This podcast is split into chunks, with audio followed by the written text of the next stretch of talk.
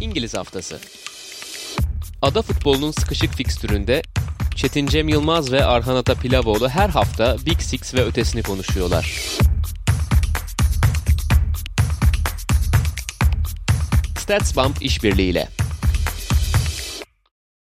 Sokrates Podcast'te hepiniz hoş geldiniz. İngiliz haftasının yeni bölümünde sizlerle birlikteyiz. Ben Çetin Cem Yılmaz, Arhan Ata Pilavoğlu ile beraber milli araya girerken dolu dolu bir Premier Lig hafta sonunu konuşacağız. Sadece Premier Lig'in değil son yıllarda Avrupa futbolunun belki de en göze çarpan, en heyecanlandıran fikstürü Liverpool Manchester City. Gerçekten adına yakışır bir karşılaşma oynadı bu iki takım. İlk yarısı 0-0 bitti. ikinci yarısında karşılıklı goller vardı. Liverpool iki kez öne geçti Manchester City. iki kez yakaladı ve puanlar paylaşıldı. Gerçekten müthiş bir 90 dakika. Özellikle Premier Lig klasiklerine girebilecek bir ikinci 45 dakika oldu. Direkt buradan sorayım. Arhan nasıl buldun maçı? Maçı. Teknik tarafına falan gireriz sonra maçın kırılma noktalarına şuna buna da. Nasıldı maç? Abi herhalde insanların Chelsea maçında alamadığı o ya büyük maç heyecanı, büyük maç oyunu bu maçta istediğimiz noktadaydı. Özellikle ikinci yarı Liverpool'un da oyuna katılmasıyla birlikte çünkü çok pasif kalmıştı ilk yarıda Liverpool.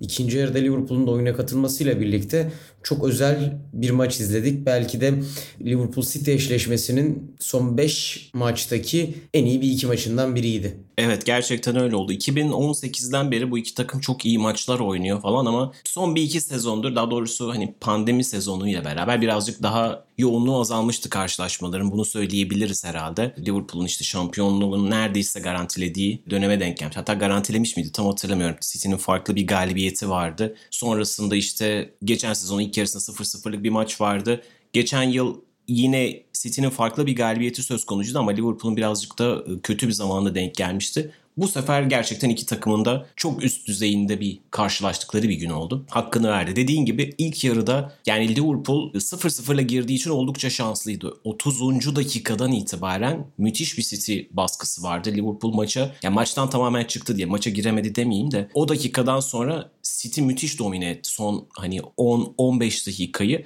ve gerçekten o bölümde gol bulamamaları birazcık da Liverpool'un şansı oldu. City'nin beceriksizliği de oldu denebilir. Hani Kevin De Bruyne'la Phil Foden'a yaklaştılar. Özellikle James Milner tarafını bayağı işledi Manchester City Phil Foden'da. Ve bir şekilde City aradığı golü bulamadı. Ve o dakikadan sonra hani Liverpool devreye 0-0 girmenin avantajını kullandı diyebiliriz. Sence City adına ana plan neydi ve ikinci yarının bu kadar farklı olması, iki yarının ne bu kadar farklı olmasının sebebi neydi diye sorayım. Daha iyi toparlamak gerekirse. Abi bence ana plan James Miller'ın kanadını kullanmaktı ki zaten ilk 11'ler düştüğünde de bunu ben bu şekilde olacağını tahmin etmiyordum. Manchester City'nin ilk haftadan beri gördüğümüz oyunu bize şunu söylüyor. Oyunu sol tarafta kurup sağ tarafta tamamlamak. Nasıl kurup işte Bernardo Silva, Jack Grealish bağlantıları, son iki haftada Kevin De Bruyne, Jack Grealish bağlantıları o taraflarda oyunu kurup Cancelo'nun dahiliyeti, De Bruyne'nin, Jack Grealish'in dahiliyetiyle birlikte ceza sahası içerisine girip ardından topu sağ dışa Gabriel Jesus'a ulaştırıp gol yollarında etkili olan bir Manchester City izliyoruz. Fakat bugün Pep Guardiola klasik hedef maç sürprizlerinden birisini yaptı bizlere ve dedi ki ben Jack Grealish'i merkezde konumlandıracağım ve Phil Foden'ı sola koyacağım. Bu aşırı büyük bir sürpriz miydi? Aslında değildi çünkü Jack Grealish'ten daha atletik bir oyuncu Phil Foden.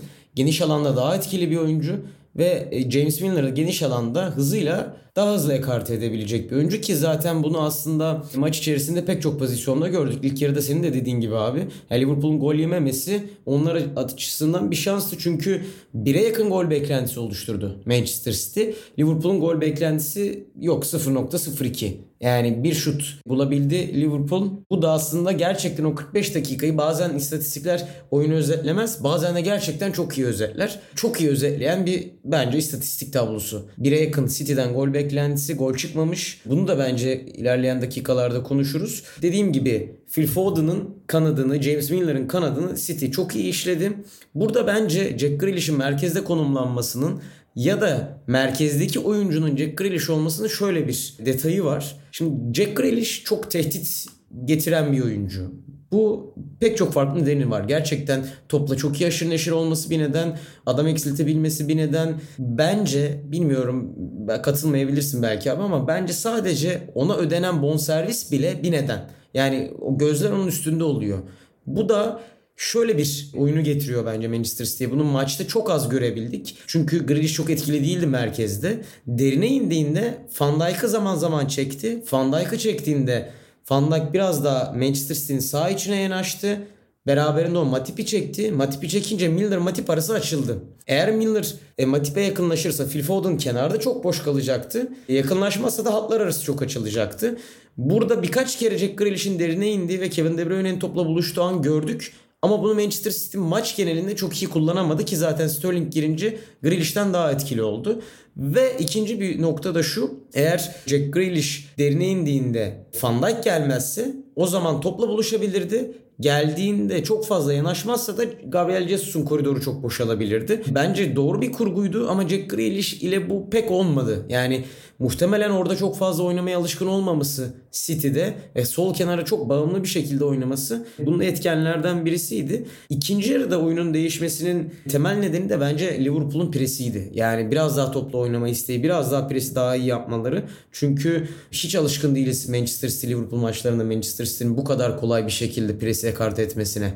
Özellikle Enfield'da özellikle bu kadar hedef bir maçta. Şampiyonluk kutladığında iki takımda iki senedir ikinci maçlar öyle oluyor. Liverpool şampiyonluğu garantiliğinde Etihad'da oynandı.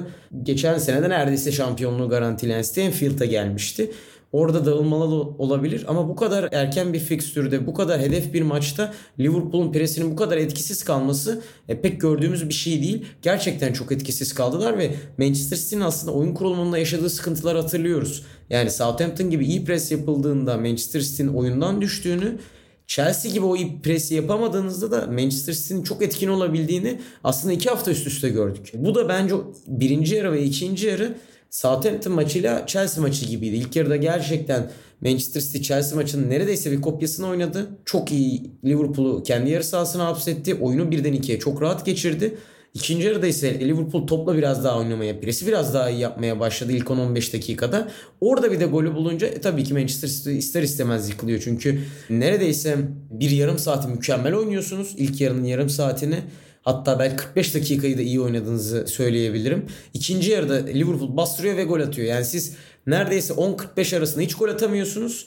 Pozisyona çok girmenize rağmen Liverpool ikinci yarıya biraz iyi başlıyor ve ilk pozisyonda neredeyse golü buluyor. Bu mental olarak çok yorgun, çok yorucu bir şey, çok düşürücü bir şey, moral düşürücü bir şey. O yüzden Manchester City'nin buradan toparlanması da bence çok değerli. Çok pozisyon vermeden Liverpool'a iki gol yediler çok pozisyona girdiler. Atamadılar ama ona rağmen 2-2 ile bitirmeleri bence o açıdan da çok değerli. İkinci yarıda da sorduğun soruya bence Liverpool'un presi ve daha çok topla oynaması. Hatta şöyle söyleyeyim ilk yarıda %45 ile oynuyor Liverpool. İkinci yarıda %53 ile oynuyor. Ki Manchester City'ye karşı yapıyor bunu. Evet gol bulmalar etkilidir. İkinci yarıda çok gel git oldu. Ama ne olursa olsun ilk yarıdan ikinci yarıya neredeyse %10'luk bir değişim ve bunu City'ye karşı yapmak, presi de oyuna sürerek bence çok değerliydi. Jurgen Klopp zaten ilk yarı biter nasıl koşarak soyunma odasına girdi. Kafasındaki demek ki çok anlatacak şeyi vardı ve anlattıkları o 45-60 arasında gerçekten sahada kendine yer buldu. Evet Liverpool tarafında çok kritik iki eksik vardı. Bu kendini çok gösterdi. Trent Alexander-Arnold ve Thiago'nun yokluğu. Özellikle Trent zaten bu takımın birinci oyun kurucusu neredeyse. Hani Thiago da aslında bir oyun kurucu. Şimdi temelde Liverpool'un hücum gücündeki iki tane, hücumları üzerinden kurguladığı iki tane oyuncu da olmayınca bir problem yaşaması kaçınılmazdı. James Milner mesela Crystal Palace maçında çok takdir etmiştik. Orada da Zaha'ya karşı oldukça iyi durmuştu. Fakat bugün gerçekten Foden'a karşı çok fazla zorlandı. Hani hücumda zaten birkaç kere ileri gidebildi, pek bir şey üretemedi. Fakat her seferinde arkasına açık verdi. Yani gerçekten Manchester City onun o tarafını müthiş işledi. Foden'ın orada olması gerçekten yani City adına farkı yaratan faktördü ilk yarıda. Ben devrede mutlaka bir Joe Gomez değişikliği gelecek diyordum. Yani kaçınılmaz çünkü yani James Milner'ın Liverpool formasıyla belki de en kötü performansıydı. Milner'a yani ne kadar profesyonelliğini övdüğümü hani birkaç hafta önce konuşmuştuk ama gerçekten çok zorlandı. Bir de önündeki Jordan Henderson'dan da yeterince destek alamadı. Şimdi haliyle epey yük bindi üzerine. Tabii bunun pek çok sebebi olabilir. Jordan Henderson da diğer zaten Hani Bernardo Silva ve Cancelo gibi iki tane makinayla uğraşıyor falan. Ama gerçekten yetersiz kaldı ve çok fazla yük bindi James Milner'ın üzerine. Yani hatta James Milner'ın bir tane pozisyonda Foden'ı kaçırdığı hafif bir müdahalesi vardı. Ceza sahasının çizgisinin hemen içi mi dışı mı o yani VAR'a da gitmedi. Hakem orada takdir hakkını faul değilden yana kullandı. Yani orada da mesela bir şey çıkabilir. Pek çok sefer orada James Miller'ın zaafı kendisini gösterdi. Ben devrede mutlaka bir değişiklik bekliyordum açıkçası. Fakat Jurgen Klopp işte kolay kolay oyuncularını hani harcamıyor da demeyeyim ama kolay kolay oyuncularını otobüsün altına atmaz ve saha içerisinde çözüm bulmaya düşünür. Böyle de oldu. Kendisi maçtan sonra da bunu açıkladı zaten. Yaptığımız şey orta sahayı birazcık daha fazla yaklaştırmaktı dedi savunmaya ve böylece birazcık daha fazla kenar oyuncularından yük almak. Çünkü ilk yarıda aslında çok fazla göze çarpmadı. Çünkü City çok fazla soldan oynadı. Özellikle son çeyrek saatte 30-45 arasında çok fazla soldan oynadığı için biraz göze çarpmadı ama Andy Robertson da pek iyi bir ilk yarı geçirmedi. İkinci yarıda o da toparlananlardan bir tanesiydi. İkinci yarıda Liverpool orta sahadan desteği birazcık daha fazla vermeye başlayınca oyunu da aldı. Bu arada bir nokta var. İlk yarı sonunda baktığımda Jordan Henderson'ın pas isabeti %50 idi ve sadece 10 isabetli pas üretebilmişti. Şimdi Liverpool topa da bir türlü sahip olamadı. Topu da bir türlü kendinde tutamadı. Ya böyle maçlarda iki takım da çok hırçın bir şekilde pres yapıyor ve birbirine hiç zaman ve alan vermiyor. Bu doğru. Fakat Liverpool adına işte senin de az önce özetlediğin gibi ilk yarıda özellikle bu kadar düşük topa sahip olma oranında bir tane sebeplerden bir tanesi de Jordan Henderson'dı. Şimdi geçen sezon Liverpool böyle maçlarda mutlaka Wijnaldum'u kullanırdı. Çünkü bir tane yıkıcı oyuncunuz var işte Fabinho. Bir tane daha pasör özellikle ama yine presi de yapan Wijnaldum gibi bir oyuncu oluyordu. Henderson da yine bu ikisini de yapabilen tipte bir oyuncuydu. Curtis Jones, Fabinho, Jordan Henderson olunca gerçekten Liverpool'un orta saha üçlüsündeki pas kalitesi epey düşük oldu. Thiago noktasına da buradan bağlayabiliriz. Hani gerçekten olsaydı birazcık daha nefes aldırabilirdi Liverpool'a. Hiç nefes alamadı Liverpool ve sürekli hani topu verdi Sonra peşinden koşmak zorunda kaldı rakip oyuncuların. Böyle bir ilk yarıydı. İkinci yarıda dediğimiz gibi işte orta saha birazcık daha fazla pres kalitesini arttırdı. İlk yarıda belli bölümlerde hani Salah'ın birkaç tane kritik driplingi vardı ve Jota'nın birkaç tane driplingi vardı. Mane neredeyse hiç ortalıkta yoktu. İkinci yarıda parçalar biraz daha işlemeye başlayınca işte hemen fark kendini gösterdi. Zaten bu maçlar için söylenebilecek şey anlar yani farkı belirliyor. Şimdi bu maç gerçekten 2-2 bitti. Ama hiçbir noktada şey diyemiyorum yani. Hani bu takım e, işte galibiyeti hak etti, şu taraf galibiyeti daha çok hak etti diyemiyorum. Ya da yani öyle bir maçtı ki o son dakikadaki Fabinho pozisyonu da gol olabilirdi. Ya da diğer tarafta Sterling'in yakaladığı kontratakta da gol olabilirdi. Yani iki tarafta maçı da alabilirdi aslında. Ve bu yine de işte Liverpool bugün çok kötü oynadı dedirtmezdi. Manchester City çok kötü oynadı dedirtmezdi. Bu iki takım yani öyle bir seviyeye çıkıyor ki bu iki takım takımın maçları arasındaki yoğunluk gerçekten işte 5 dakikalık 10 dakikalık oyunu kapmalar, rakibin işte zaaflarını değerlendirmeler skoru belirleyebiliyor. 30 o 45 arası işte City o zaafını değerlendiremedi Liverpool'un. Liverpool ikinci yarının işte 15-20 dakikasında Salah tarafından inanılmaz bireysel yetenek üzerinden iki tane gol çıkarttı ve maçı tekrar eline aldı. Fakat karşı tarafta da işte müthiş bir kalite var. O da bitmeyen bir kalite var yani. Hem Foden'la bir şekilde yakaladı.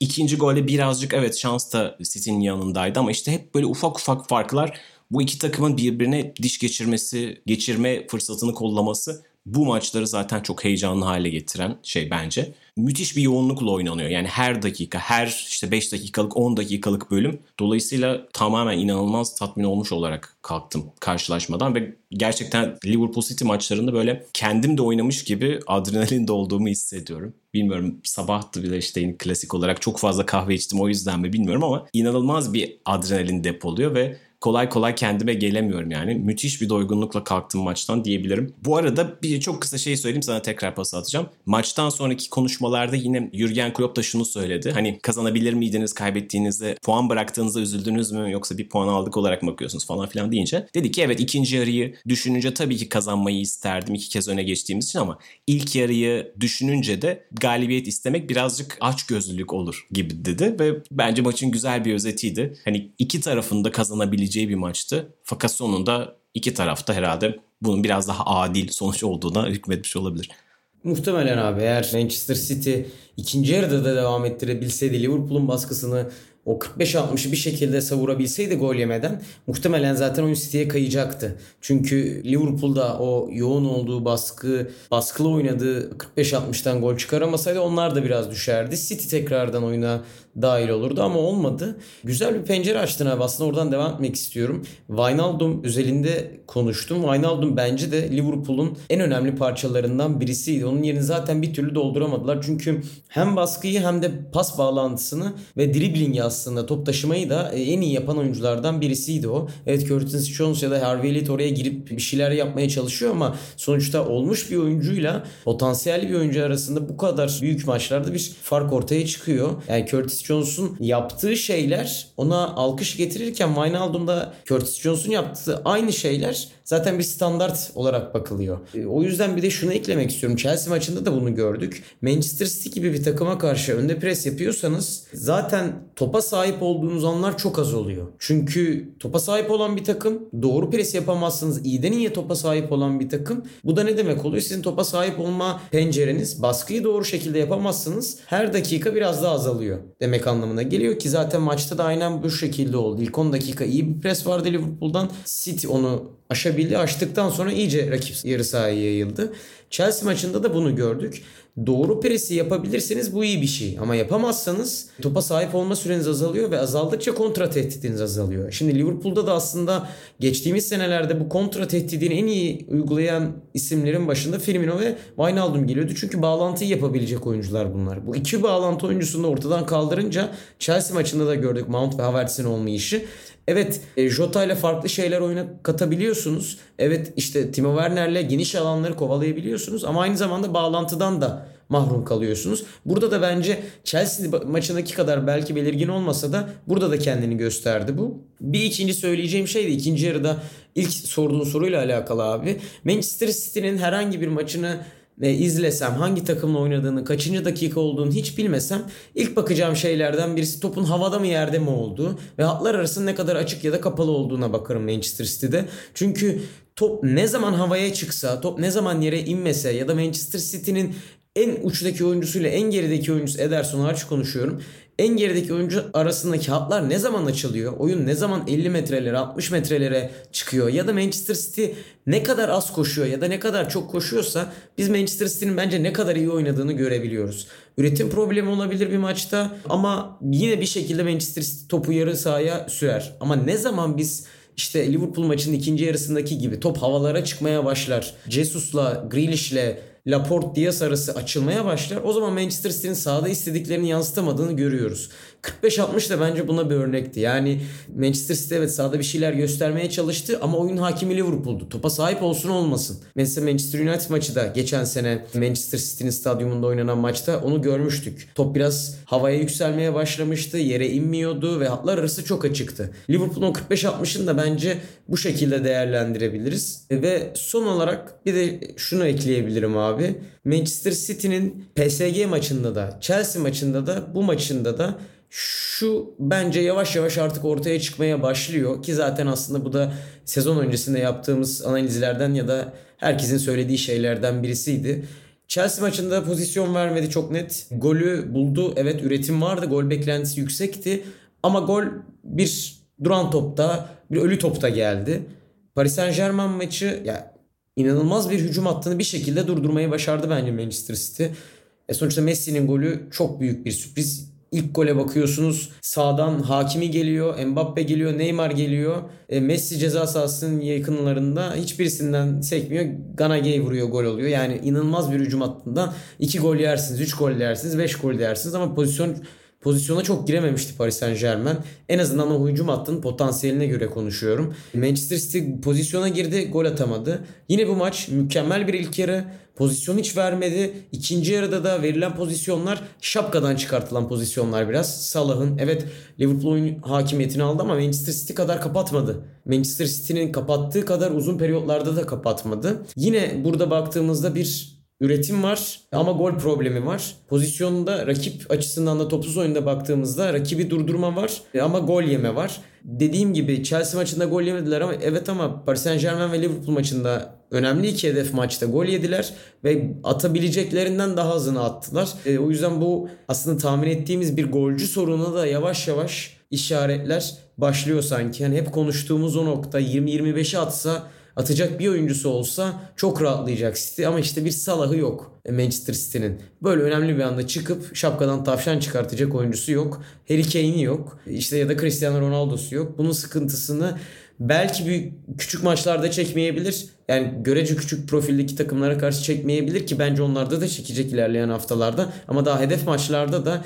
bunun sıkıntısını yavaş yavaş görüyoruz. Dediğim gibi çünkü Chelsea iyi bir üretim ama gol zor geldi. Paris Saint Germain kötü üretim yok yine gol gelmedi. Burada da çok iyi üretim ama yine son toplarda sıkıntı yaşadı Manchester City. Evet yavaştan biz bu maçı bir kenara bırakalım. Gerçekten adına yakıştı bu maç. Hem mücadelesiyle hem çıkarttığı tüm hikayeleriyle hem de ikinci yarıdaki gol düellosuyla. Bu maçın belki de kazananı Chelsea oldu diyebiliriz ama Chelsea liderliği almış oldu bu hafta. Baktığımız zaman da ligin hala tek mağlup takımı Liverpool fakat Chelsea iki tane puan kaybı var. 7 maçın 5'ini kazanmış durumda. Yani puan kayıplarını direkt rakiplerine karşı yapmış oldu. Liverpool'la berabere Manchester City'ye yenildi. Fakat kalan 5 maçını da sektirmeden kazanarak şu anda milli araya zirvede giriyor. Chelsea de aslında çok fazla yazılıp çizilmese de ufak bir tökezleme periyodundan çıktı diyebiliriz aslında. Yani kupadaki Carabao Cup'taki penaltılarla kazandıkları Aston Villa maçını da sayarsak 3 maçtır kazanamıyordu aslında Chelsea.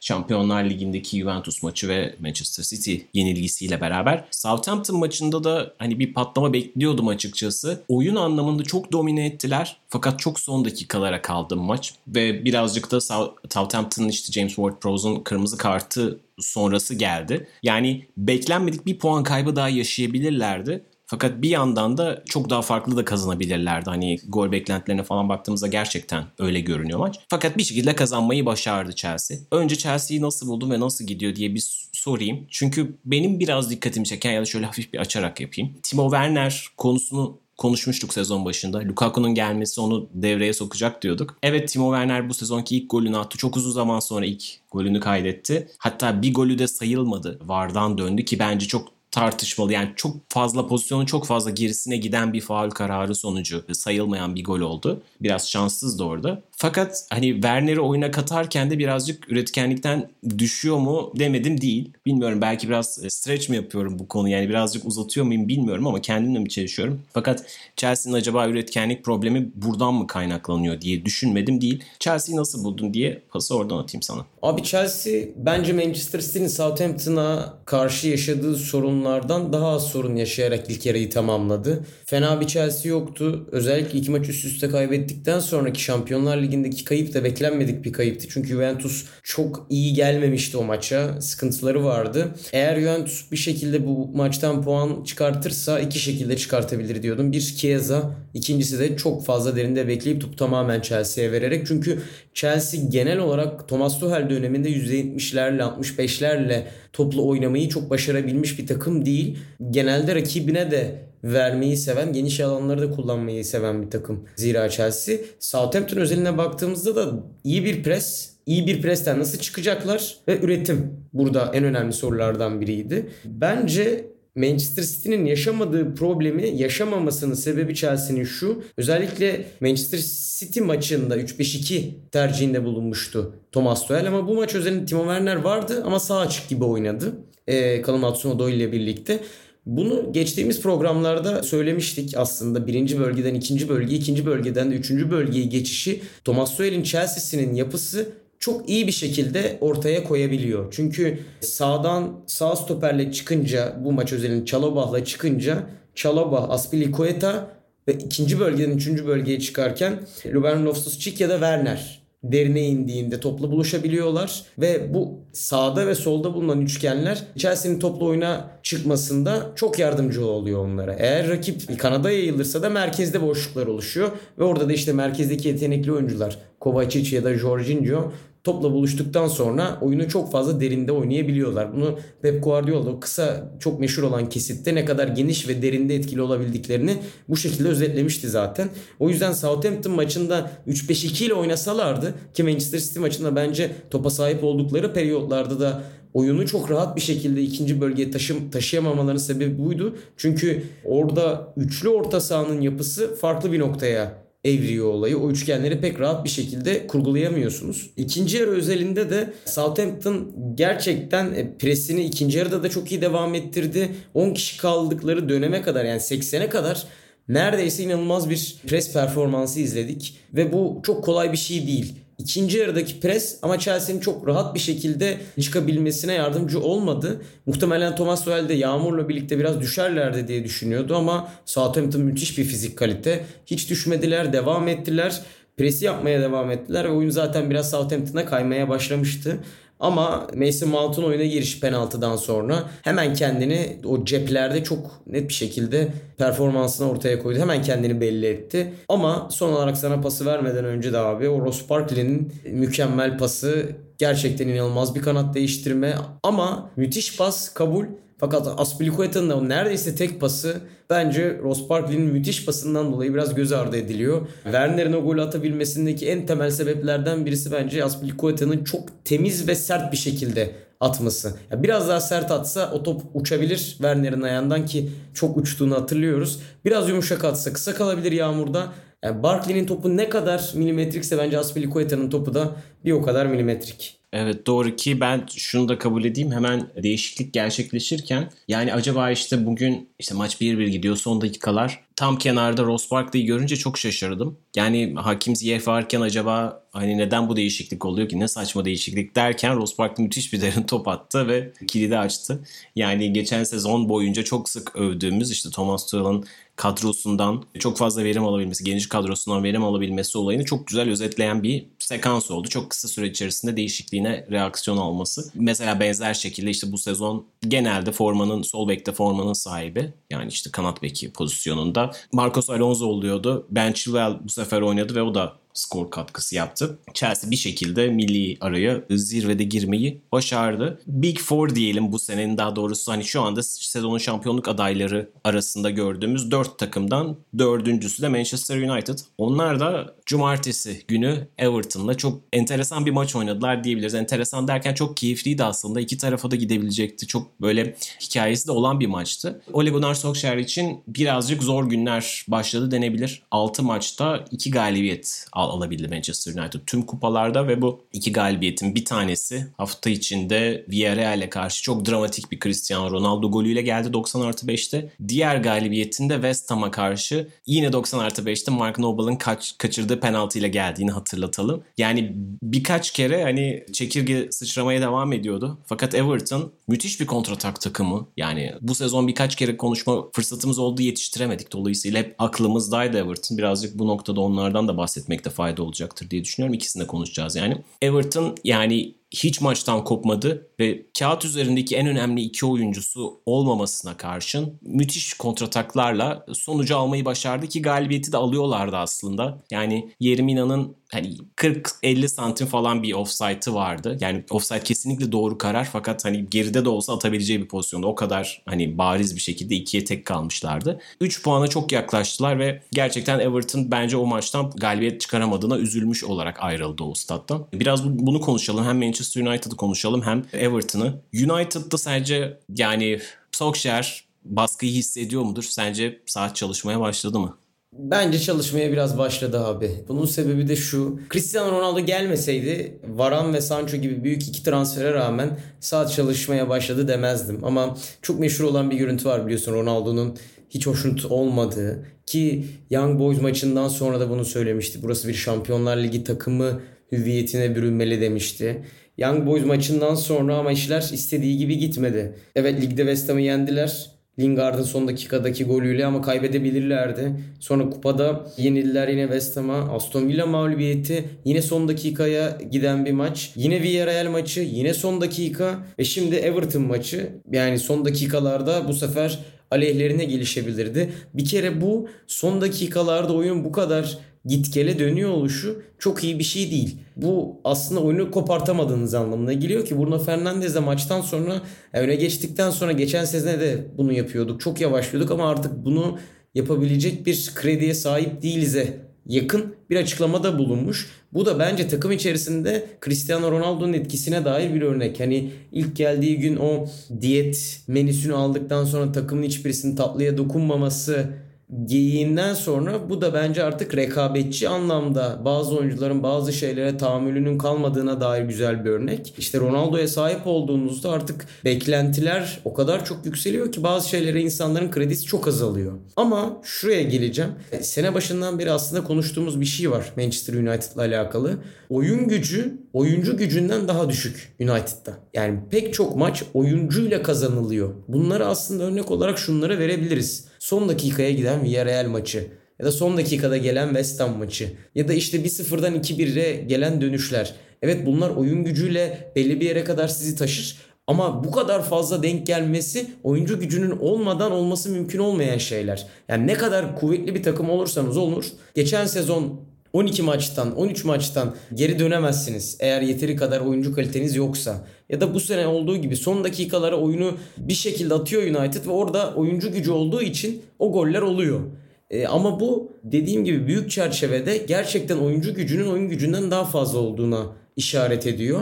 Şöyle de bir şey var ama bunu dedim ama şöyle de bir şerh düşeyim. Oyun gücünü yükseltmek için belli profilde oyunculara ihtiyaç var. Yani oyuncunun profilinden bahsediyorum ama kalitesinden değil ya. Belli bir profilde orta saha oyuncusuna ihtiyaç var. Belli bir profilde sağ beke ihtiyaç var. Biraz daha hücumcu bir sağ bek şart bazı maçlar için. Bazı kapanan takımlar için. Everton gibi, Newcastle United gibi, Aston Villa gibi takımları açmak için belli profilde bir yaratıcıya ihtiyacınız var. Belli profilde yaratıcı bir sağ ihtiyacınız var. O açıdan bence evet Manchester United adına çanlar çalıyor.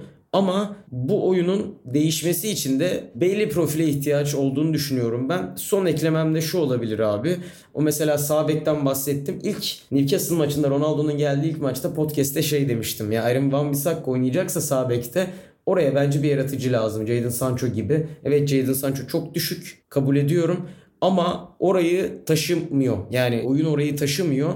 Ve ikinci bir eklemem de şu olur. Bence Pogba'nın özgür kalması lazım bu takımda. Sene başında ne kadar güçlü bir oyuna geldiğini biliyoruz. Ve ihtiyacı olmasa United'ın bir şekilde idare ediyor olabilse, bir şekilde ceza sahası içerisinde 3. bölgede daha fazla toplu oynuyor olabilse, daha fazla yaratıcılık katıyor olabilse ben buna bir şey demeyeceğim ama yaratıcı bir Paul Pogba'yı Manchester United'ın merkezinde ya da sol kanadında görmemiz gerekiyor bence. İşte bunun için de ya yaratıcı bir orta saha ihtiyacınız var Pogba'ya bağlı kalmamak için ya da Pogba'yı taşıyabilecek çok fiziksel, iki yönü de çok iyi oynayabilecek bir oyuncuya ihtiyacınız var. Bence Fred de McTominay de buna yakın ama tam olarak bu oyuncu değil. Yani Paul Pogba'yı yaratıcı bir şekilde taşıyabilecek düzeyde bir oyuncu ikisi de değil bence. İşte bir N'Golo Kante profilinde tabii ki Kante kadar kaliteli olmayabilir ama o profile yakın yırtıcı bir orta saha oyuncusuna ihtiyacı var bence Manchester United'ın ki Paul Pogba biraz daha yaratıcı olsun ve o 3. bölgede aksiyonların sayısı Pogba ile birlikte artsın.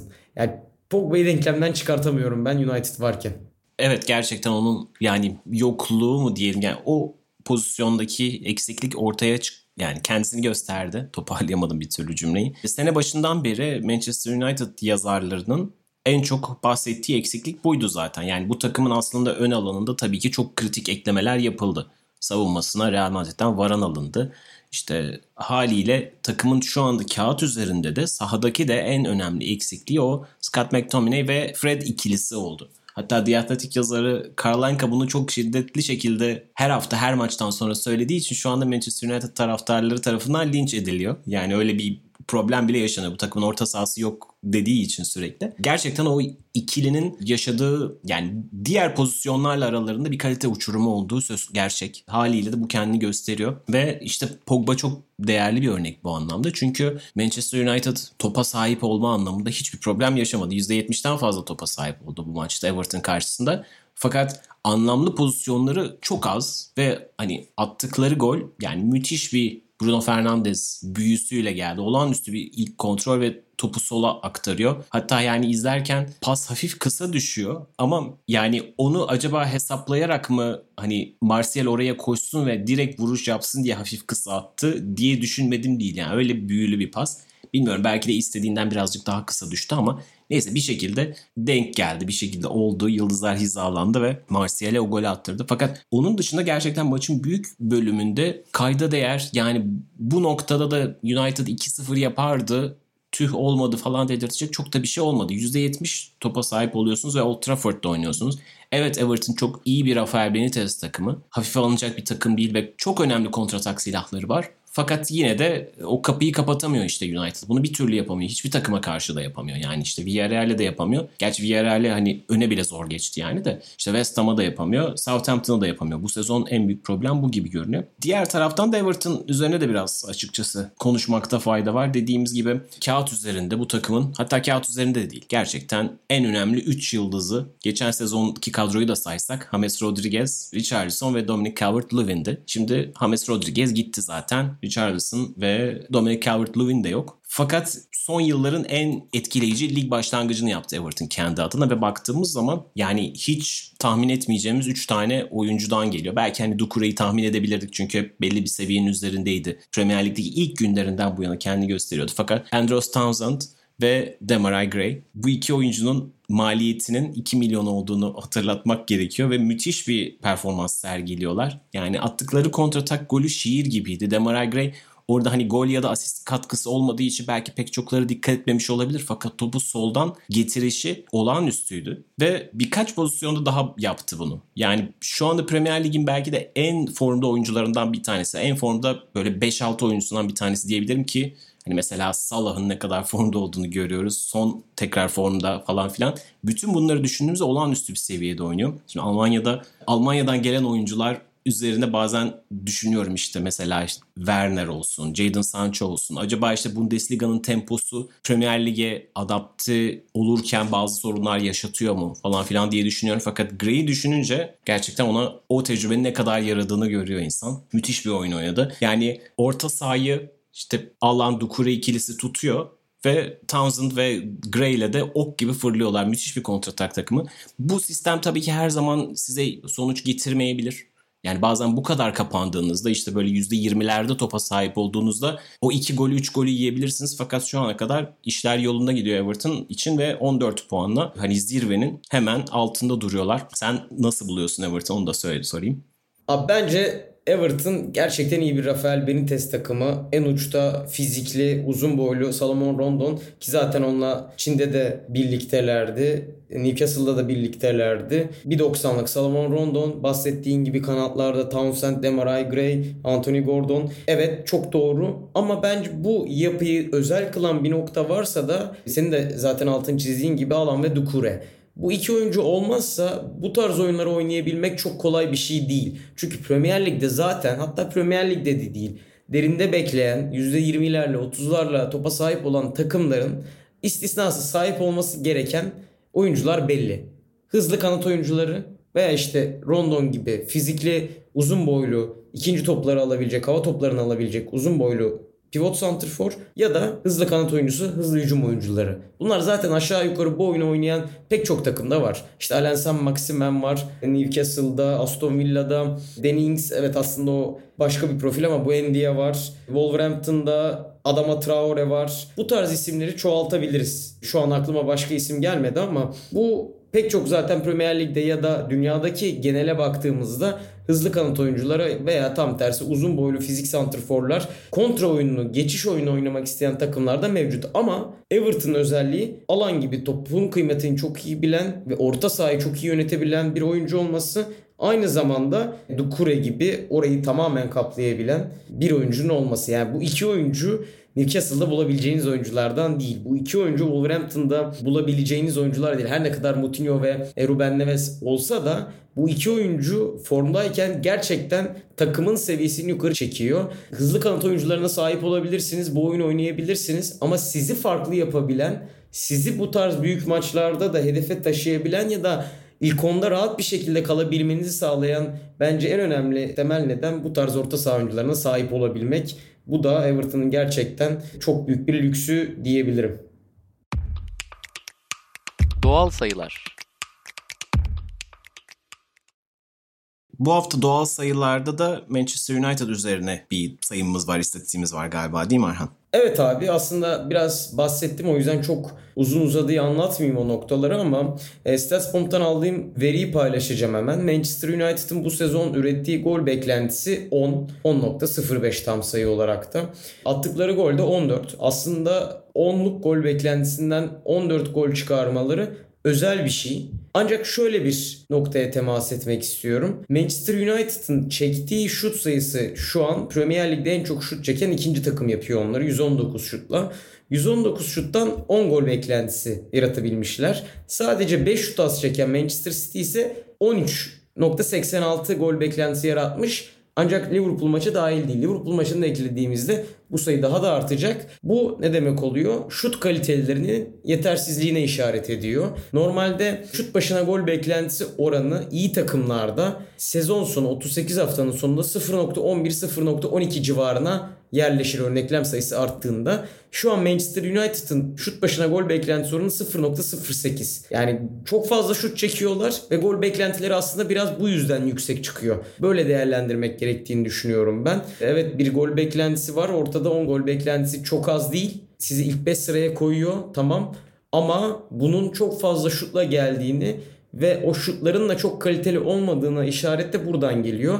Kaliteli şut çekebilmek için de aslında biraz ceza sahası içerisinde fazla adamlı olmalı. Ceza sahası içerisinde 3. bölge içerisinde doğru aksiyonları yapabilmeniz gerekiyor. İşte bence bunun için de Paul Pogba'nın sağlıklı bir şekilde bu takıma monte edilmesi gerekiyor tam gol beklentisinden ve şut sayılarından bahsetmişken aslında Brighton Arsenal maçı da biraz o hikayede gerçekleşti. Brighton Arsenal'ı adeta domine etti. Yani topa sahip olma, şut sayıları, gol beklentisi anlamında. Yani Arsenal'ın kazandığı bir puan olarak bakabiliriz. 0-0 bitti karşılaşma fakat Brighton da bu sezonun formda takımlarından bir tanesi olarak ki hafta başında Crystal Palace'ı yenemeyerek liderlik şansını kullanamamışlardı. Yine 2 puan bıraktılar diyebiliriz fakat üst sıralardaki çoğu takımın da zaten berabere kaldığını düşününce onlar da 14 puanla 6.lıklarını korudular milli araya oldukça iyi bir yerde giriyor Graham Potter'ın talebeleri. Birkaç sezondur aslında iki sezondur bunu konuşuyorduk. Yani Brighton bu ligin özel takımlarından bir tanesi. Graham Potter'ın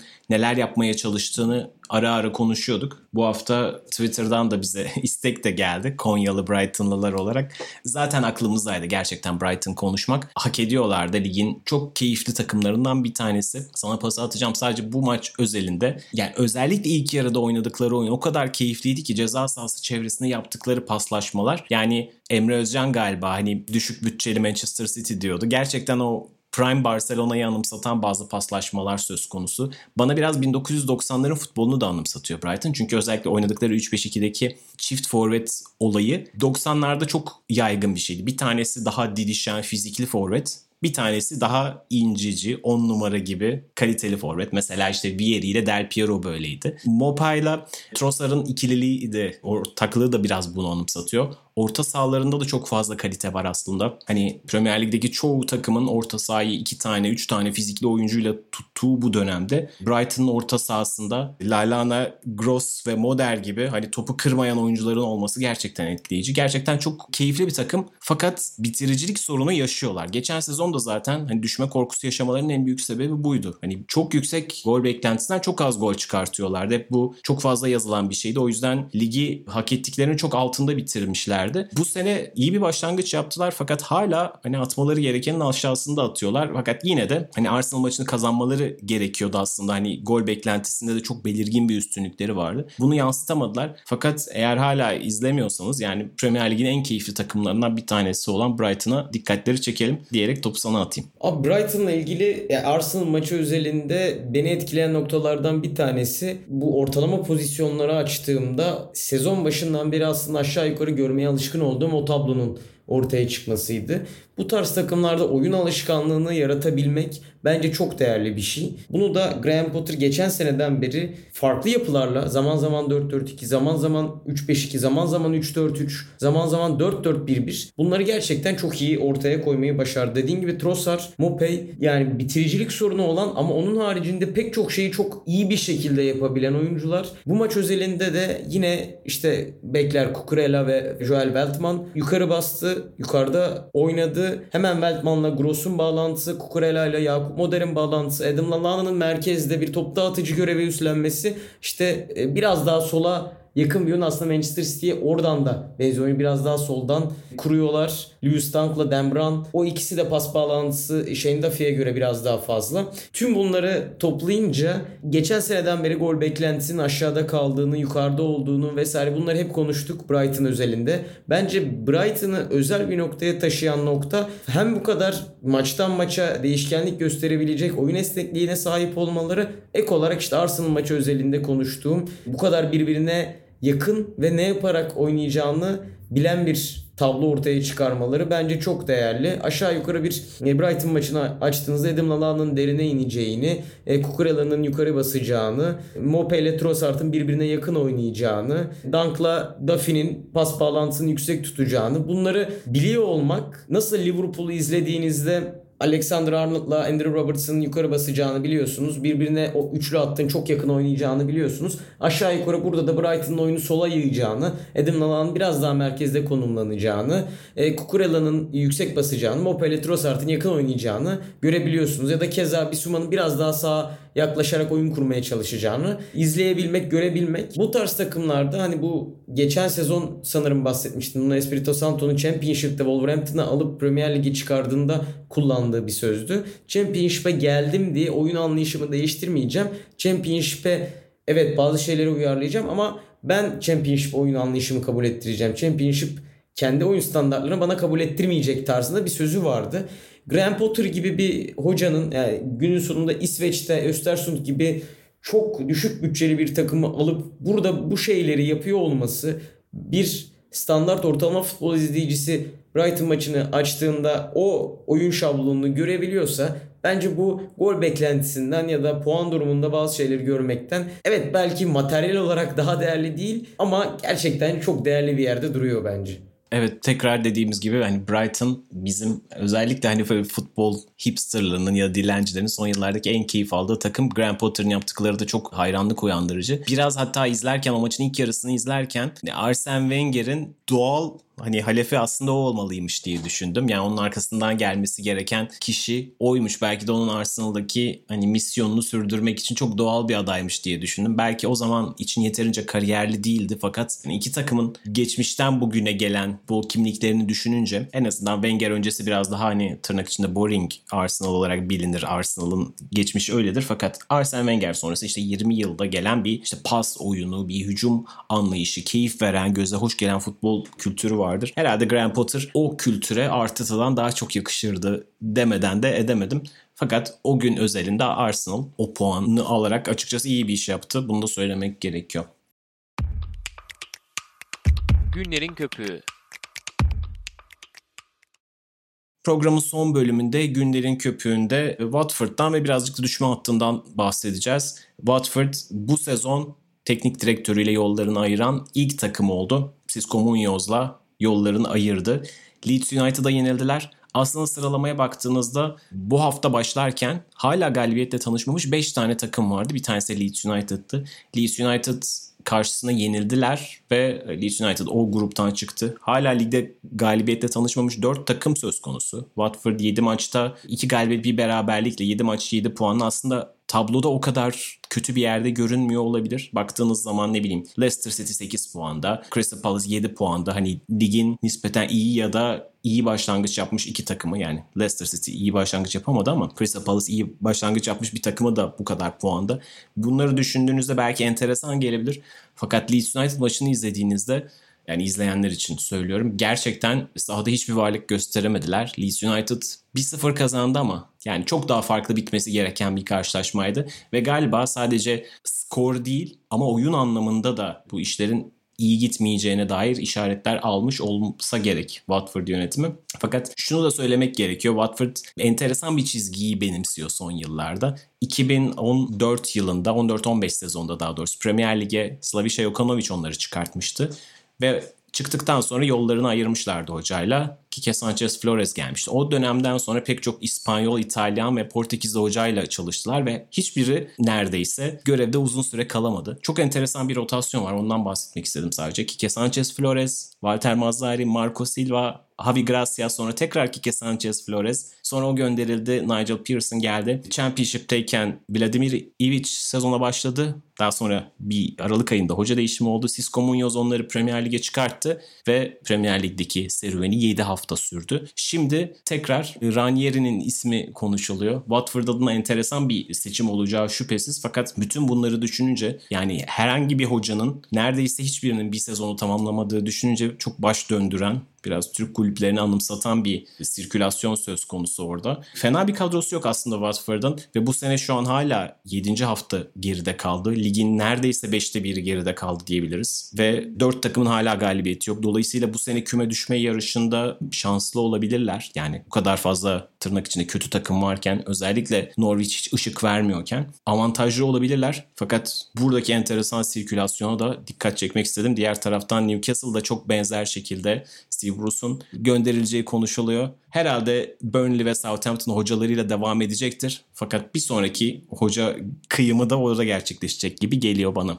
Böylece İngiliz haftasının sonuna gelmiş olduk. Biz de milli arada yayında olmayacağız. Bir hafta aradan sonra tekrar Premier Lig gündemiyle karşınızda olacağız. Dinlediğiniz için çok teşekkür ederiz. İki hafta sonra görüşmek üzere. Hoşçakalın. Hoşçakalın.